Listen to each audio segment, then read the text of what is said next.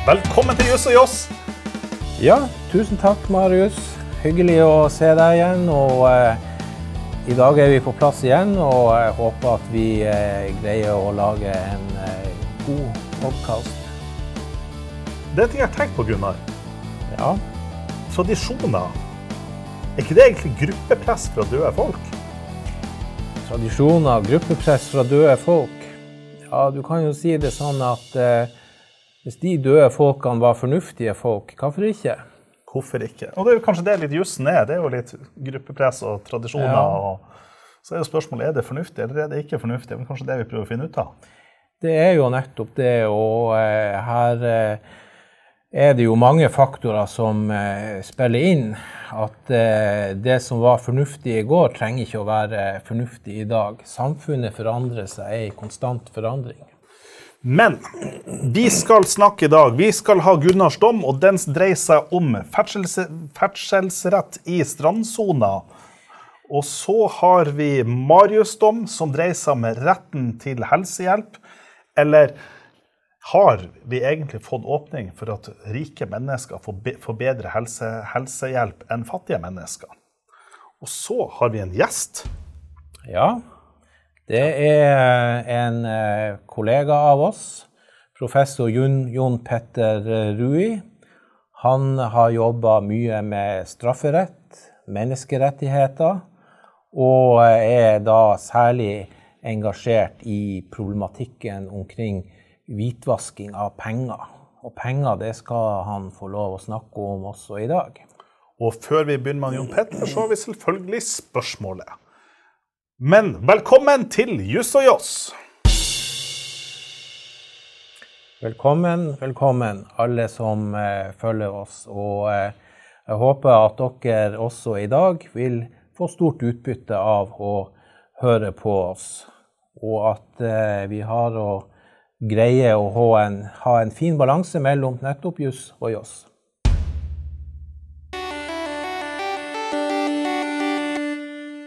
Da eh, er det klart for eh, dagens eh, dom som jeg har funnet fram til.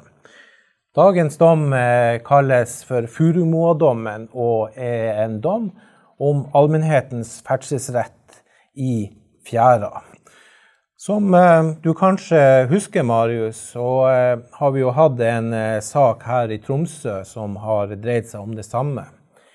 På Sørøya her i Tromsø så er det en kar som eh, har hatt oppført ei eh, badstue nærmest i eh, fjæra. Og denne badstua har medført mye avisskriveri.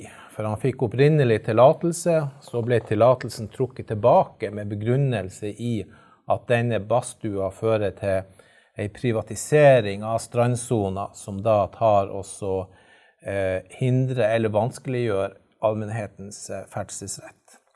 Den saken her den har veldig mange sider, og vi skal ikke skifte rett eller galt. For nå i går så ble det kjent da at eh, alle klagene mot dette byggverket ble trukket, og eh, det er nå lovlig. Men saken har jo litt eh, større dimensjoner, for det dreier seg om at kommunen har anlagt en sti rundt hele sydspissen. Og eh, denne eiendommen og naboeiendommen er da utfylt i strandsonen. Altså man har tatt og omgjort da utmark, som fjæra er, til innmark gjennom ei steinfylling. Og denne steinfyllinga gjør at muligheter til å ferdes forbi disse eiendommene med det som er igjen av fjæra, det kan kun skje nærmest på, på fjæra sjø. Og eh, dette har da kommunens eh, friluftsmyndighet eh, reagert på. Og var vel en medvirkende grunn til at denne badstua ble eh, påklaga. Og det reiser jo da mange hva vi si, prinsipielle spørsmål i forhold til grunneierens rett til å rå over sin egen eiendom og allmennhetens rett til å eh, ferdes i eh, fjæra. Går du noe i fjæra, Marius? Jeg, er jo blitt et, blitt et sprekt menneske i det siste, på mine, på mine eldre dager. Begynte å springe. Så jeg var her og så var en dag og sprang langs fjæra. Det viste seg at det var bare søppel der. Ja, forsøpling er et stort eh, problem. Tok du og eh, plukka med deg en sekk? Det er jo nå en ny sport, det her med å både kombinere springing og søppelplukking. Ja, det, det var et eget ord for det, men husker du ordet? Det gjør ikke jeg. Ja, det har også eh, feida litt eh, bort.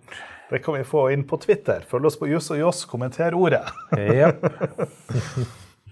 Men det, er, men det, Ja. men det er kommet en høyesterettsavgjørelse på det her? Ja, det kommet og eh, kommet. og kommet, fru Blom. Eh, eh, det her var en avgjørelse som eh, falt for noen eh, år siden. Og eh, eh, grunnen til at eh, eh, jeg tar den opp, er jo eh, at i denne her badstuesaken i eh, Tromsø, så eh, utvikla jo denne saken seg til å bli en sånn eh, avisføljetong hvor da eh, eieren av eiendommen påsto at kommunen førte en, en, en vendetta mot han, nærmest. Ja. At eh, enkeltpersoner i kommunen eh, drev nærmest eh, personforfølgelse av eh, han og hans eh, planer og hans faktiske utnyttelse av eiendommen. Og i denne Furumoa-dommen så var mye av det samme da tilfellet. Og det viser seg at disse sakene har et potensial til å utvikle konflikter mellom grunneiere og de myndigheter som skal ivareta allemannsretten. Og Høyesterett eh, tar da i denne saken og kommer med en del eh, eh, prinsipielle betraktninger om allemannsretten. Det sies at allemannsretten er et gammelt skandinavisk rettsinstitutt. I andre land, hvis man går over eh, privat eiendom, f.eks. i Amerika, så er utgangspunktet det motsatte. Nemlig at da er du såkalt trespasser. Du tar og ulovlig ferdes på annen manns eiendom. Mens vi i Norge og Norden har en fri ferdselsrett for allmennheten. Jeg hadde plukka opp noen haikere i sommer, fra, fra flere fra både Ukraina og fra Polen. og og De prata om allemannsretten, at det var et helt, helt spesielt fenomen. At de på en måte kom opp hit for å nyte naturen, og at de kunne nyte at det var en helt spesiell, spesielt. Så det, Det er sant. Allemannsretten i Norge den gjelder uavhengig av person, uavhengig av tid og uavhengig sted. Slik at eh, din joggetur den eh, har like stor legitimitet som om det kommer landende et gjeng med japanske turister som er her i to dager. Du og de japanske turistene har like stor rett til å bruke da naturen i Norge til å ferdes og til å oppleve den fantastiske naturen eh, vi har. I tidligere tider, som Høyesterett sier i denne dommen, så var allemannsretten mer knytta til eh, livsopphold. At man eh, var ute i utmark og sanka bær og andre tilgjengelige ressurser. Mens i dag så er fritids- og friluftsaspektet den sterkeste begrunnelsen. Og det fører jo da til at utøvelsen av allemannsrettene nå skjer på plasser hvor de ikke tidligere ble utøvd, og på måter som heller ikke var vanlig. Allemannsretten presses jo da av kommersielle aktører som tar og bruker naturen til sine aktiviteter med turister de tar betalt for. Og vi ser jo også da at motorisert ferdsel tar også og på en måte er en nykommer i denne sfæren. Som for øvrig reguleres av egen lov. Men nylig så har vi jo hatt problematikk om såkalte elsykler. Over til denne dommen. Det gjaldt da eh, en eiendom i Sandefjord kommune som heter Furumoa. deilige nesten Sørlandet. Det er nesten Sørlandet, og eh, i Sør-Norge så er strandeiendommer det er gull. Og denne strandeiendommen var eid av en skipsreder. Jeg skal ikke ta og nevne hans navn, men skipsrederen hadde et eh, hus på en eh, 13 og et halvt mål stor eiendom med 60 meter lang strandlinje. Denne eiendommen hadde han tatt og stengt med gjerding på eiendomsgrensene, og gjerdene gikk ned i sjøen og fysisk hindra eh, allmennheten til å ferdes. Sandefjord kommune ved Friluftsnemnda tok og eh, begjærte disse gjerdene fjerna, slik at allmennheten kunne gå på stranda, fjæra, forbi denne eiendommen. Det var ikke skipsrederen enig i i det hele tatt. Og eh, Friluftsloven sier da at eh, all ferdsel er tillatt i utmark. Og så definerer friluftsloven hva som er innmark, slik at eh, vi får en negativ definisjon, som da nevner at hustomt skal regnes som innmark, dyrka mark skal regnes som innmark. Skipsrederen tok og påsto at hele eiendommen på 13,5 mål var hustomt som helhet. Høyesterett eh, er ikke enig i eh, dette og sier at eh, det her strider imot lovens formål. Og Høyesterett sier da at hustomt må forstås som hva vi sier, den nærmeste sonen rundt huset. Altså den nærmeste private, intime sonen. Når du da har en så stor eiendom, husdom som 13,5 mål, så eh, er du ikke da beskytta av lovens eh, begrensning av at hustomt skal regnes som innmark. Så det sier Høyesterett at det her kan ikke regnes som hustomt. Det er altfor svært. Men det er klart, I den badstuesaken på Tromsøya, der er det jo, der er jo tomta atskillig mindre. Ja. Og dermed så kan det tenkes at man, ja. hvis, hvis den her skulle blitt ført videre, at, at, det hadde vært noen argumenter der. Ja, men det er som du sier en, en vesentlig forskjell eh, der tomta på, her i Tromsø var vesentlig mindre, slik at eh, eh denne badstua den eh, står nok helt klart da på, på ei, eh, ei hustomt. Mm. Det, det, det gjør den. Um, I vår sak så påsto også skipsrederen at eh, tomta, hvis den ikke skulle regnes som hustomt, så måtte den eh, regnes som, som dyrka mark, fordi at han hadde opparbeida denne tomta da med beplantning og eh, forskjellige eh, greier. Uh, også uh, det dette grunnlaget falt for Høyesterett, fordi at Høyesterett har også sier at dyrka mark må defineres som mark hvor du tar og driver ervervsmessig dyrking av nøttevekster. Slik at å anlegge en plen og plante blomster vil ikke falle inn under definisjonen av dyrka mark. Så eh, Skipsrederen, han Planta feil blomster? Du kan si det sånn at han eh, drev ikke noe landbruk av betydning som kunne fortjene å falle inn for definisjonen av dyrka mark. Men eh, han ga seg ikke med, med, det. Vet du hva han gjorde eh, etter det? Nei. Jo, da eh, kunne man faktisk lese mens saken verserte, før han kom til Høyesterett i Sandefjords Blad, så var skipsrederen avbilda hvor han stolt kom leiende med to sauer. Og eh, disse to sauene slapp han løs på denne eh, prakteiendommen sin, dette lille godset han hadde på Furumoa. For saken er jo den at hvis du da driver husdyrhold, så eh, har du jo gjerdeplikt. Så han tenkte at da var saken biff. Han måtte jo gjøre av eiendommen for å ha kontroll på de her sauene som streifbeita på denne her 13,5 måls eiendommen. Um, Eller sauer enn naboer?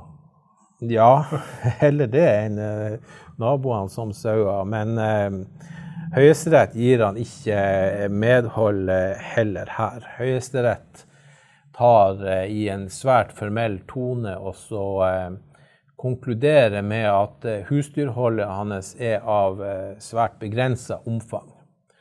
Og at det må være mulig å ta og gjerde inn en del av denne relativt store eiendommen til ei lita innhegning hvor disse to sauene kunne trives, uten at man stengte allmennheten ute i strandsonen. Høyesterett har en egen evne til å bare skjære gjennom.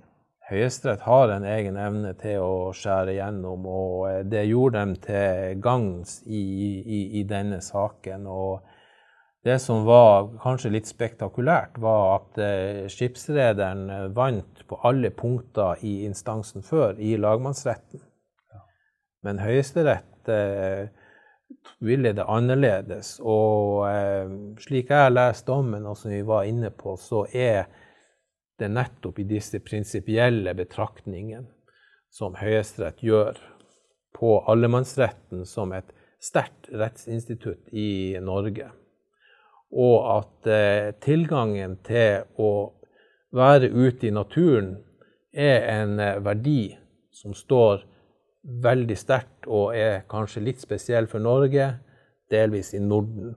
Jf. det du sa med disse eh, turistene som du plukka opp, ja. som var så eh, imponert over den på en måte friheten som allemannsretten representerer. Så eh, summa summarum så tror jeg det er noe vi må ta vare på også i fremtida. Og at eh, det er et eksempel på en eh, tradisjon som følges av vi som lever i dag, og som du var inne på tidligere, de som har vandra for lengst, som vi bør videreføre til kommende generasjoner. Ja, da eh, har vi eh, kommet videre i eh, programmet. Og da er vi klar for eh, min sidemann Marius Storvik. Marius, hva er det du har funnet fram for en avgjørelse eller dom som du har lyst til å snakke om i dag? Jo, den 3. juli i år, altså 2019, så kom Statens helsetilsyn med et vedtak om retten til nødvendig helsehjelp. Og her, den her går inn på et kjempeinteressant spørsmål, fordi at den dreier seg om flere skjæringspunkter i helsevesenet. Men for å ta, for å ta saken. Er en pasient med en, med en kreftsykdom som har, eh, som har, søkt om å få den medisin. Denne medisinen har bare 11% av dem som får denne medisinen, de får effekt ut av medisinen. Og medisin er sinnssykt dyr. Derfor har man bestemt at, at, man ikke skal bruke denne medisinen i det offentlige helsevesenet, for at avveininga av kostnad i forhold til effekt er, er for, for, dyr. Men så er det da selvfølgelig en fyr som da har penger. Mm. Penger nok til å kjøpe seg denne medisinen sjøl. Så han kjøper da denne medisinen eller privat. Og når man da finner ut at han er blant de 11% som får effekt, så går han så til det offentlige helsevesenet og så ber han om å få dekket denne medisinen. Mm. Og så avslår sykehuset det kravet, så avslår Fylkesmannen det kravet, og så blir den tatt opp til Statens helsetilsyn, og Statens helsetilsyn gir han medhold. Statens helsetilsyn sine vurderinger i saken det er at, at, at pasient- og brukerrettighetsloven gir rett til en individuell vurdering. Og den individuelle vurderinga sier at denne mannen har fått en positiv effekt av medisin, og fordi han har fått en positiv effekt av medisin, så, den, så, kan man på en måte ikke si at det er så mange som ikke får effekt av den. Og da må man si at her skal pasienten da få denne behandlinga. Og dermed så blir da denne pasienten får da denne kjempedyre behandlinga som fungerer for han. Mm. Og ut ifra hvordan loven er bygd opp, og ut ifra det systemet i pasient- og brukerrettighetsloven, så tror jeg at det er en riktig avgjørelse. Jeg tror at Statens helsetilsyn har landa på en korrekt vurdering sånn som loven er å forstå. Problemet er at, at, loven sier at man skal ha individuelle vurderinger, og det har Statens helsetilsyn gjort, og det blir rett. Men hvordan skal man i et nasjonalt helsevesen alltid kunne legge opp til individuelle vurderinger? Det blir problematisk. Sånn at Det man i realiteten gjør, det er at du har ulike beslutningsutvalg som tar beslutning om hvilke medisiner som skal tilbys, hvilke medisiner som ikke skal tilbys. Og de her Beslutningsutvalgene de gjør det ut ifra at du da skal få en likhet, et likhetsprinsipp, som gjør at det ikke skal være forskjell mellom rik og fattig i helsevesenet, som gjør at, at den behandlinga man får, altså at antall leveår per krone, at det skal bli likt fordelt. Og det gjør også at, gjør også at man skal på en måte um, ja, at man skal ja, etablere, etablere, en fornuft i det her. Um, og gjør vurderingene enklere. At det ikke skal bli mindre vilkårlig. At det ikke blir den enkelte lege som skal sitte og vurdere hvilken behandling er det min pasient har. At du dermed får en mindre dragkamp mellom helsepersonell. Fordi at Stortinget vedtar ressurser til helsevesenet. Hvert år så kommer det et visst antall penger til helsevesenet, og så skal det her fordeles. Og det er klart at Når denne pasienten da får denne kjempedyre kreftmedisinen, så går det av den store kaka i forhold til alle de andre.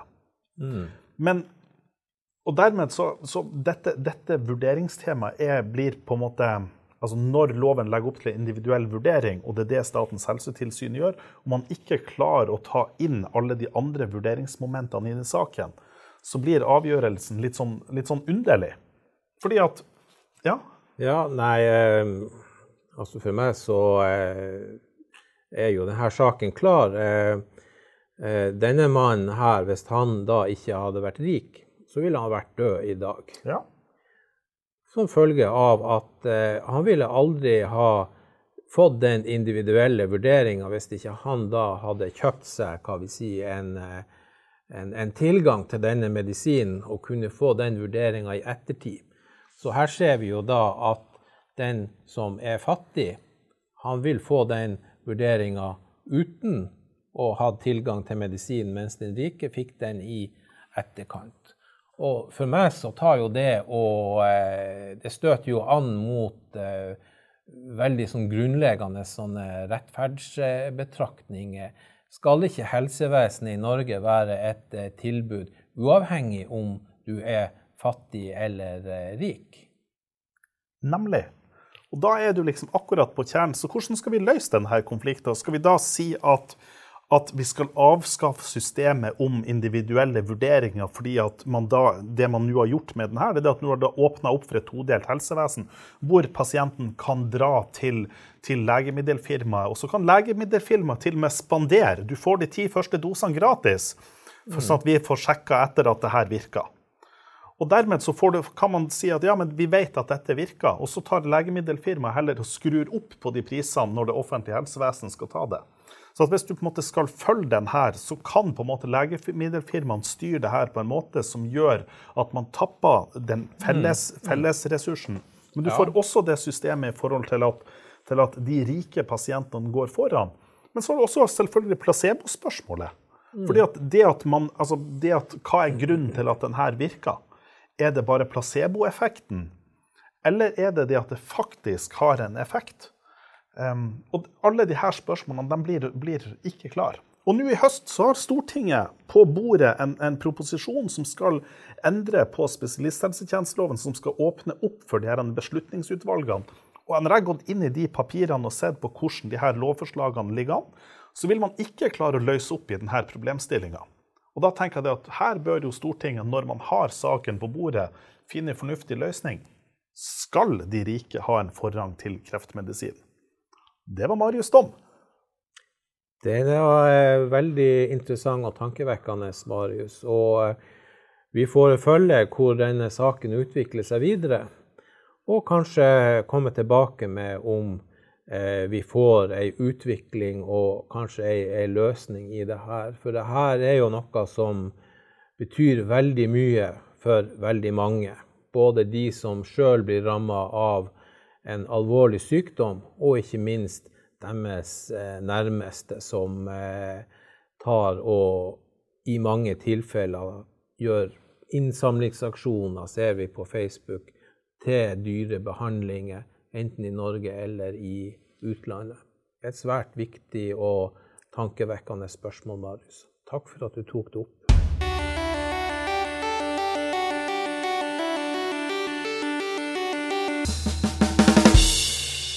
Ja, da er vi kommet til posten Spørsmålet. Og vanligvis så skal vi jo det, få det inn på Twitter, på Jussojås på Twitter. Eller JUSSJAASS for vi har jo ikke Å på Twitter.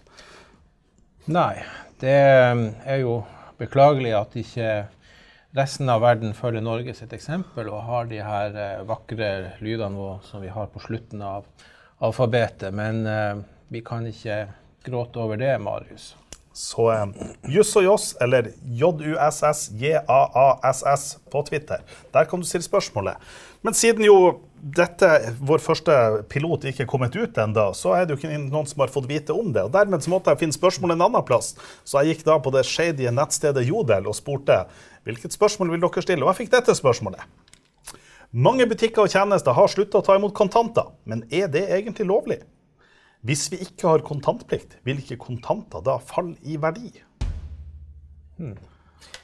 Artig spørsmål, eh, Marius. Men eh, her kan vi vel raskt ta oss og eh, slå fast at eh, vi har eh, lovgivning som tar og slår fast at kontanter er lovlig betalingsmiddel slik at Sentralbankloven paragraf 14 syns jeg å huske når jeg googla det her i morges.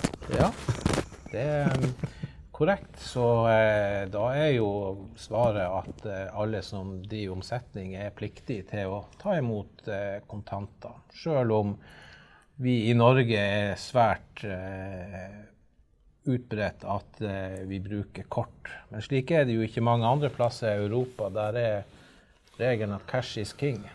Men, men, det jo, men, det her er jo, gjeldende rett. Men det er klart, mm. men vi har jo en utvikling, fordi vi beveger oss jo mot et kontantfritt samfunn. Og så vil det spørsmålet ja, vil vi komme til det punktet hvor alt av kontanter er avskaffa, hvor man bare etterlater seg med elektroniske betalingsmidler? Jeg tenker at Det er mye som taler for at vi kommer til et sånt punkt. Ja, det vil jo være kanskje litt sånn årvelsk over eh, det at vi er er et kontantløst samfunn hvor bare digitale betalingsmåter og betalingsmidler eh, brukes. Men eh, det vil jo reise mange betenkeligheter og nye spørsmål, gjør det ikke det, Marius? Jo, det gjør jo det. det gjør jo det. Og da er vi over på spørsmål om privatliv, og da er vi på spørsmål på den videre utviklingen av samfunnet, og da er vi på spørsmål om gjesten vår.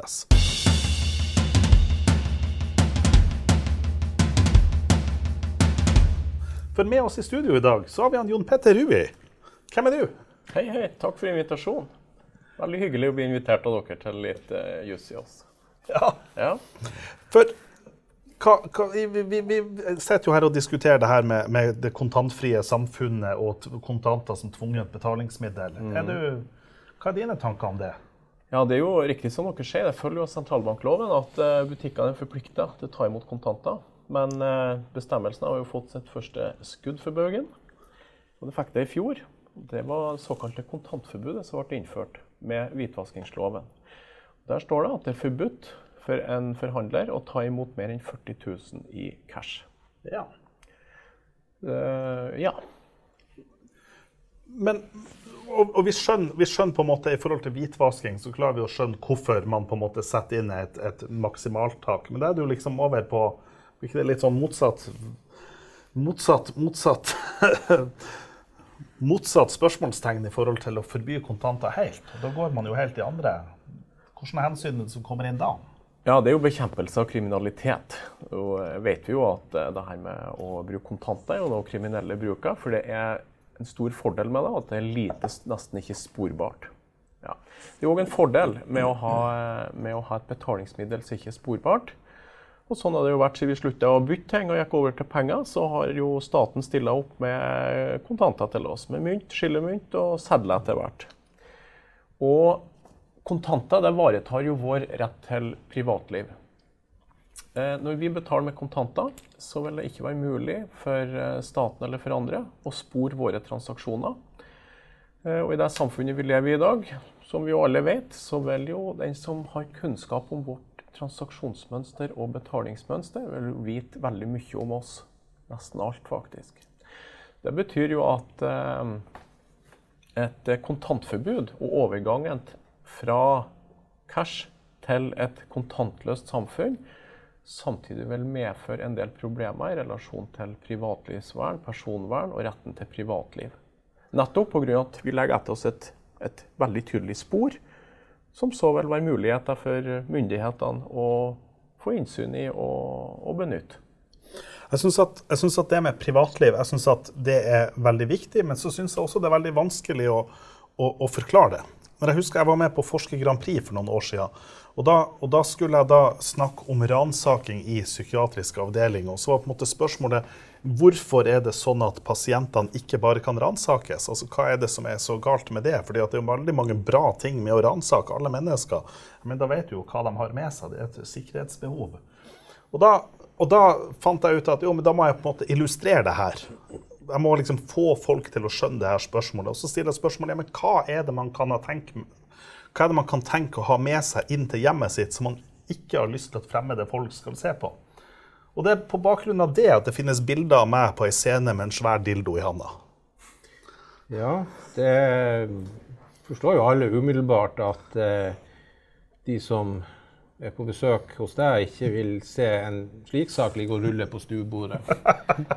Så eh, det er jo en ganske sånn intuitiv forståelse av eh, hva man hva vi si, ikke ønsker at andre nødvendigvis skal ta og vite om det, sjøl om eh, det sikkert eh, er ting og tang som eh, ikke blir misbrukt. Men men, men at, for poenget er at sant, alle mennesker har et privatliv, og så skal vi på en måte beskytte privatlivet. Og, og hvordan, er, hvordan, er, den lovgivningen, hvordan, hva er det systemet vi har laga til for å beskytte om privatlivet? Eller hva er privatlivet? Hva, hva mer enn å liksom sikre liksom, hemmelige dildoer? Liksom? Hva, hva, ellers er poenget med privatlivet? Ja, Det er jo et uh, viktig spørsmål, et godt spørsmål. Et spørsmål som vi må ha et svar på. Jeg tenkte at du kan bare gi svaret på det, og så slipper jeg å å ta den? Ja. Nei, grunnen til at vi må ha et eh, Eller grunnen til at vi Alle har jo ikke et privatliv i alle mulige verdenshjørner. Det vet vi jo, at eh, jo mer totalitært landet er, jo mindre privatliv er det. Og eh, hvis man ikke ønsker å ha en politistat, og hvis man ønsker å ha et, en liberal, demokratisk rettsstat, så må vi respektere retten til privatliv. Og Forklaringa på det er at privatliv er en del av vår autonomi, på samme måte som ytringsfrihet. Ytringsfrihet er en rett vi har som er iboende. Selvfølgelig er det viktig med ytringsfrihet for å delta i politisk debatt osv. Og, så og få ytre seg. Men det er en kjernerettighet vi har i kraft av å være mennesker. Og Sånn er det òg med privatlivet. Eh, og Derfor er det sånn i ja, som jeg sa, liberale, demokratiske rettsstater, så er retten til privatliv verna på grunnlovsnivå har vi jo i Norge, paragraf 102. Og i internasjonale menneskerettigheter så har vi det jo EMK artikkel 8, EU-charteret artikkel 8 og artikkel 7. Så eh, der vernes Så viktig er det å verne retten til privatliv at, eh, at det er tatt inn i konstitusjoner internasjonale menneskerettigheter. Mm. Uh, men her var du jo inne på i innledninga at retten til privatliv står jo imot en annen viktig samfunnsinteresse, nemlig interessen i å bekjempe kriminalitet gjennom å begrense bruk og omfanget og bruk av, av kontanter. Jeg vet jo at i Norge så har man jo også tatt til orde for å fjerne de største pengevalørene, tusenlappene.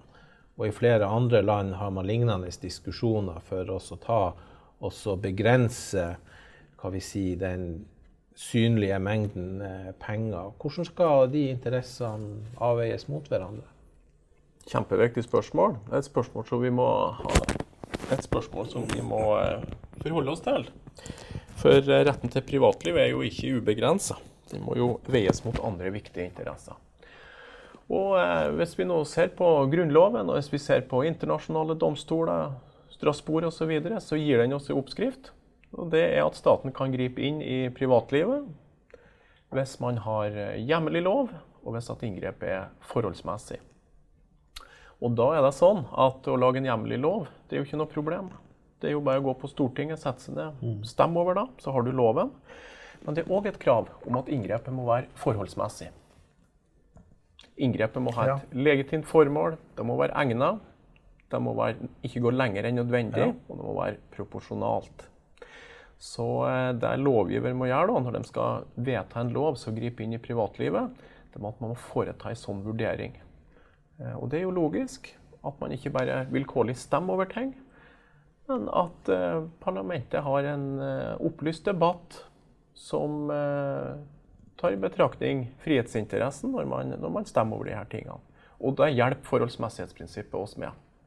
Så på Stortinget så må man tenke hvilket legitimt formål har kontantforbudet? Er det bekjempelse av kriminalitet? Er det egnet, er det nødvendig og er det proporsjonalt? Så det er den testen som et inngrep i privatlivet må gjennom. Men nå har vi snakka om, om, de inngrepene i privatlivet der det offentlige er ansvarlig for, for inngrepet. Mm. Men, men, privatlivet har jo også en side hvor, hvor staten har påtatt seg en positiv forpliktelse til å verne om privatlivet. Hvordan, hvordan, hvordan skal man gjøre det? Eller hvordan, hvor langt strekker den forpliktelsen til seg? Og har du noen konkrete utslag av det?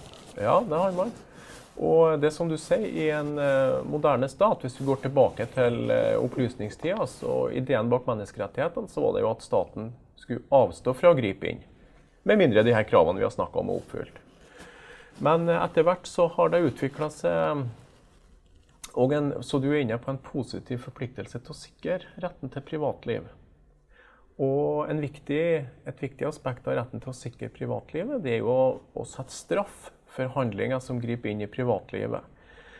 Eh, så i dag er det opplest og vedtatt at eh, en stat må kriminalisere grove inngrep i privatlivet. Så hvis du griper inn i mitt privatliv, så blir du straffa.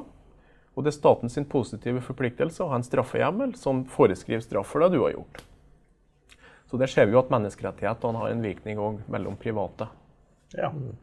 Det er jo interessant det der. Eh, hvis vi tar oss og tenker på Eh, personer som eh, er umyndige. F.eks. hvis man har en gammel mor eller far som man eh, eh, passer på, og som begynner å bli eh, dement. Og eh, på den andre sida unger. Altså personer som enten ikke har nådd myndighetsalder, eller kanskje er, er umyndiggjort. har disse også rett til et privatliv, eller? Ja, de jo, det følger jo av, eh, av Grunnloven at eh, den foreskriver jo rettigheter for enhver. Og det samme gjør jo de internasjonale menneskerettighetene, everyone. Så, så alle omfattes av de rettighetene. Det, det gjør det. Mm. Men nå er det jo slik at eh, både unger og personer som er umyndiggjort pga. f.eks. demens eller, eller, andre plager, altså de eh, har jo på en måte mista mye av sin avgjørelseskompetanse. Og eh, det må jo hva vi si, føre til at deres rett til privatliv er begrensa i forhold til et eh, voksent åndsfriskt menneske. Men her, må, men her, må, vi skille mellom autonomi og integritet. Fordi at et, I min tenking skal det sånn at autonomien er jo, er jo den, den, verdigheten og menneskeverdet. Og den strekker seg jo fra før fødsel til etter død. Og den er uavhengig av selvbestemmelsesretten. Altså, mm. beklager, integriteten strekker seg fra før fødsel til etter død. Mens autonomien, selvbestemmelsesretten, den er jo avhengig av de kognitive prosessene. Mm. Og Det betyr at, at, den vil variere gjennom livet med om man er i koma, om man er et barn, om man er en voksen, om man er dement. Hvilke punkter. Og så blir jo spørsmålet, hvis vi da skal komplisere det her, det blir jo spørsmålet hvordan forholder du deg til privatlivet i det her? Fordi at privatlivet, hvis man sier at det er en del av menneskeverdet, så betyr det at det har også barn som ikke har en selvbestemmelsesrett, eller demente som ikke har en selvbestemmelsesrett, da har de også en rett til privatliv. Absolutt, absolutt. Og eh, hvis vi tar den videre, så vil det vel være slik at eh, hvis vi tar f.eks. bilder av ungene våre eh, i situasjoner som kanskje ikke vi ville vært komfortable med å legge ut på eh, Facebook, så vil det være en krenkelse av integritet. Er det det, jeg lurer på om vi ikke har fått en uh, rettsavgjørelse om det. Har vi ikke det, Jon Peter? Det har vi. Vi har fått en rettsavgjørelse. I, uh, start, saken startet jo i tingretten, og, og så gikk den jo til lagmannsretten. Og nå er det vel anka til Høyesterett. Så det er jo en sak der, der de her spørsmålene kommer på spissen. Og saksforholdet i den saken var vel sånn i, i korte trekk at det var ei mor som jo hadde foreldreansvaret for barnet sitt. Barnet var vel sjuårsalderen, etter som jeg husker. Husker dere, da? Eh, nei, det husker jeg ikke. Nei, men ettersom etter som jeg husker, Gunnar nikka her. Ja. Barnet var i sjuårsalderen. Eh, så tok eh, mora og lå i en eh, tvist med barnevernet. Så hun tok bilde av barnet gråtende og oppgitt, eh, og la det, posta det på Facebook. Eh, og det ender jo med at hun ble eh, anmeldt for å krenke barnet sitt privatliv. Det er en straffebestemmelse for det i straffelovens paragraf 267. Det var den som ble brukt i denne saken. Og eh, det enda med at hun ble dømt til straff i tingretten og i lagmannsretten. Så her ser vi også utslaget av statens positive forpliktelse til å sikre barnet sin rett til privatliv. Ja. Ja. Og den er jo da på vei opp til Høyesterett, og så får vi se hva, hva du kaster terningen på, hva Høyesterett kommer fram til. Ja, skal jo ikke være eh, useriøs eller noe sånt, men, men det er klart at eh, her må man jo da veie Det er jo så Gunnar var inne på, og du òg, Marius, det som er forholdet, det er at privatliv er ikke absolutt. Det må veies mot andre interesser. Nå har vi jo snakka om kontantforbudet. Det må privatlivet veies opp imot bekjempelse av kriminalitet. Og i denne saken så må vi veie barnet sin rett til privatliv opp imot mora sin ytringsfrihet. Eh, Så det blir jo en vurdering av hvor stort og grovt er inngrepet i ungens privatliv kontra mor sitt legitime behov i denne konkrete situasjonen, og på den måten som er gjort, og ytre seg. Ja. Ja. Og lagmannsretten skriver vel i denne saken at eh, skaper ikke noe spørsmål i relasjon til ytringsfriheten. og ja, Det får jo bli opp til enhver å å vurdere om det er en legitim måte å ytre seg på, å bruke ytringsfriheten sin på. Man, det her er jo tale om en kritikk av barnevernet. Det kan man jo ikke begrense. Men måten å kritisere barnevernet på, er da å ta bilde av sitt barn på sju år som gråter, og poste på Facebook. I min verden så, så er vi nok eh, godt innenfor det som rammes av straffebestemmelsen, og godt utenfor det som eh, er verna av ytringsfriheten. Uten at det skal Ja. Det, det minner meg om, en, om et annet sånn, sånn spørsmål når vi er inne på det. Altså, for Jeg var inne på, på Facebook, og da får jeg opp i, i feeden min så får jeg da opp et, et bilde ut av et barn på sånn sju-åtte år eh, som bor i en helt annen landsdel, som noen da har delt. Og hvor, hvor teksten på dette bildet av det barnet er at dette barnet er, har, er mobba på skolen og har det ganske fælt der. Og lurer på om det er noen andre eh, foreldre eller som har noen unger som bor i dette området, som kanskje kan være med å leke med det her barnet. Og så tenker jeg at når jeg da får opp det her, så tenker jeg at her griper man jo inn i privatlivet til det barnet, og det barnet blir outa, og, man, og jeg og hvem som helst får en informasjon om det barnet som, som jeg ikke ønsker, som ikke jeg har et behov for, og som går langt utenfor det Ja. formålstjenlige. Og da Ja. prøver jeg selvfølgelig å rapportere det her til Facebook. Og, og går inn på Facebook sine rapporteringsgreier, og der er det ikke noe system for å fange det her opp. Så da må jeg liksom finne en kategori, og så får jeg svar tilbake fra Facebook at ja, nei, det her faller ikke inn under denne kategorien. Og så prøver jeg på nytt, og så sier Facebook ja, nei, det, dette er helt akseptabelt. Og da blir spørsmålet mitt hvilke krav bør lovgiver stille til Facebook som formidler de her?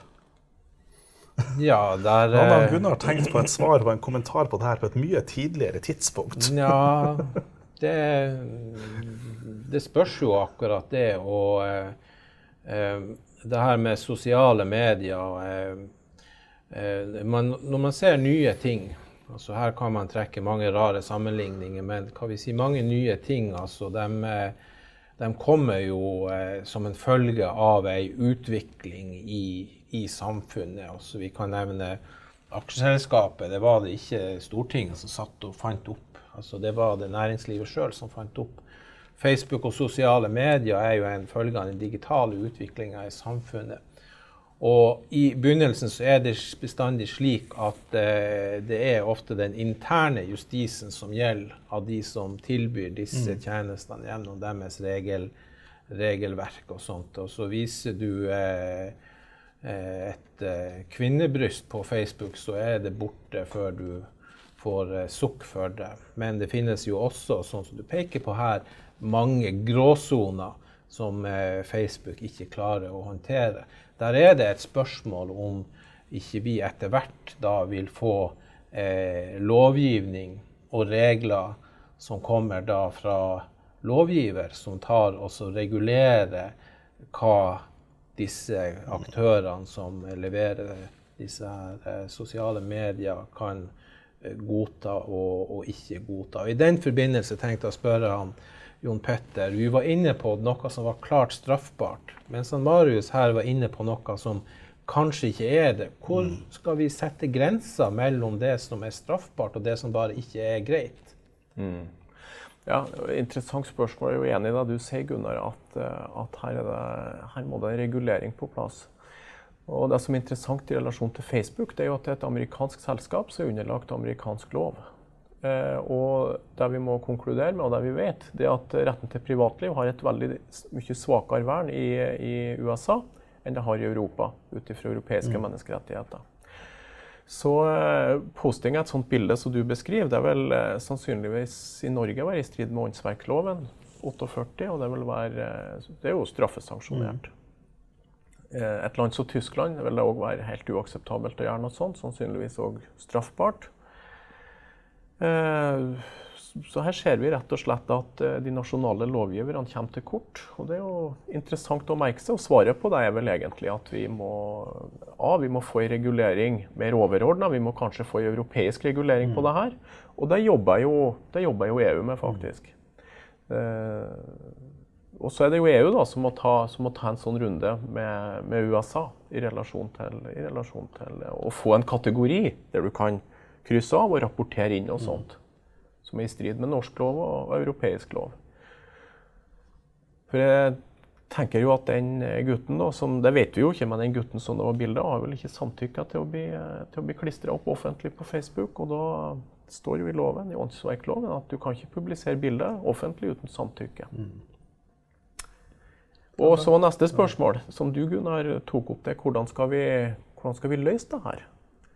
Og der eh, er det vel sånn at rettsstaten sier at, at, det vi må gjøre, det er at vi må drøfte i Stortinget og i parlamentet. Og så må vi foreta en avveining der. Så må vi lage en lov. Mm. Eh, og det er jo interessant å se at, eh, at eh, det har vi gjort i Norge nå. Nå har vi et høringsnotat ute som, i, som nå ligger i Justisdepartementet. Det har vært i høring og der man foreslår å kriminalisere grovt privatlivskrenkende bilder. Og det er ikke bare deling som skal kriminaliseres, det er òg fremstilling. Så faktisk det å ta et grovt privatlivskrenkende bilde vil bli belagt med straff. Og der har man foreslått faktisk en strafferamme på fengsel inntil ett år. Så det blir interessant å se. Jeg tok og tjuvtitta litt på eh, på høringen som har kommet inn. Mm. Og de er jo interessante. Og, og, her går jo lovgiver veldig veldig langt i å mm. kriminalisere, i å bruke straff for å beskytte privatlivet. Hvis vi tar det forslaget på ordet, det lovforslaget som ligger på bordet, som jo også straffer grov Det står grov uaktsom befatning. Så, så, går jo det veldig langt, altså, med grovt, privat, grovt privatlivskrenkende bilder. Det går, jo, det går, jo, langt. Det er jo mye som kan være mm. privatlivskrenkende. Eh, og det er vel være nok å ta bildet og ha det på telefon. Riksadvokaten ja. kritiserte jo at eh, straffebudet var litt vagt, og det må man jo kanskje være enig i. For hvis man ønsker å kriminalisere deling ja. og offentliggjøring, så trenger man jo ikke å kriminalisere at det har tatt bilde. Mm. Men det er ofte sånn som skjer at når vi, eh, når vi kanskje legger litt bakpå, og det kommer noe nytt, så tar vi litt ekstra, og så kalibrerer vi oss inn igjen. Ja. ja. Det eneste gangen man man er midt på veien. Det er når man er på vei fra den ene grøfta til den andre. Riktig, da. Det er jo interessant å se at vi har hatt samme runde med ytringsfriheten i Norge. Med at, eh, som starta der med Avisa Nordland og Bladet Tromsø for øvrig og på, på, slutten av 90-tallet. Der vi gikk på noen smeller nede i Strasbourg og ble dømt for krenkelse av ytringsfriheten. Så Marius, litt som du sier, gikk vi i andre grøfta. Da var det halleluja med ytringsfrihet, og alt var lov. og du kunne sette deg litt på spissen, kanskje, men å, du kunne nesten ja, ja. sjikanere folk og si folk så usant. Det var jo tilfellet i, i, i avisa Nordlandssaken. Og man tillot i Høyesterett ganske sånne grove, hatefulle ytringer. Ja. Så fikk man kritikk igjen, og så var man ut av den grøfta. Og så etter hvert så kom vi oss sånn høvelig midt på veien. Så, så, det er litt sånn at historien gjentar seg nå med, med privatlivet, kanskje. Ja. Og eh, med det så tror jeg at vi nærmer oss en wrap på denne podkasten. Gunnar, har du et siste ord? Eller siste setning? Det må jo bare være det at eh, jeg syns det har vært eh, fantastisk å ha en, eh, Jon Petter Rui som eh, gjest, som har tatt oss og eh, bidra til at vi har fått klargjort de her eh, vanskelige spørsmålene, grensegangen mellom hva som er en krenkelse av privatlivet, og hva som ikke er det, og ikke minst hvilken vei rettsutviklinga går. Har du en siste kommentar? Det må være eh, Tenk litt over hva dere publiserer. Tenk litt over privatlivet. Og så en siste ting. Det er at det ikke er straffeloven som regulerer alt. Vi må bruke litt, eh, litt eh, sunt eh, bondevett, kan vi kalle det. Folkevett skråstrek bondevett. Yes. Og med det så sier jeg følg oss på Twitter, juss og joss, og vi høres.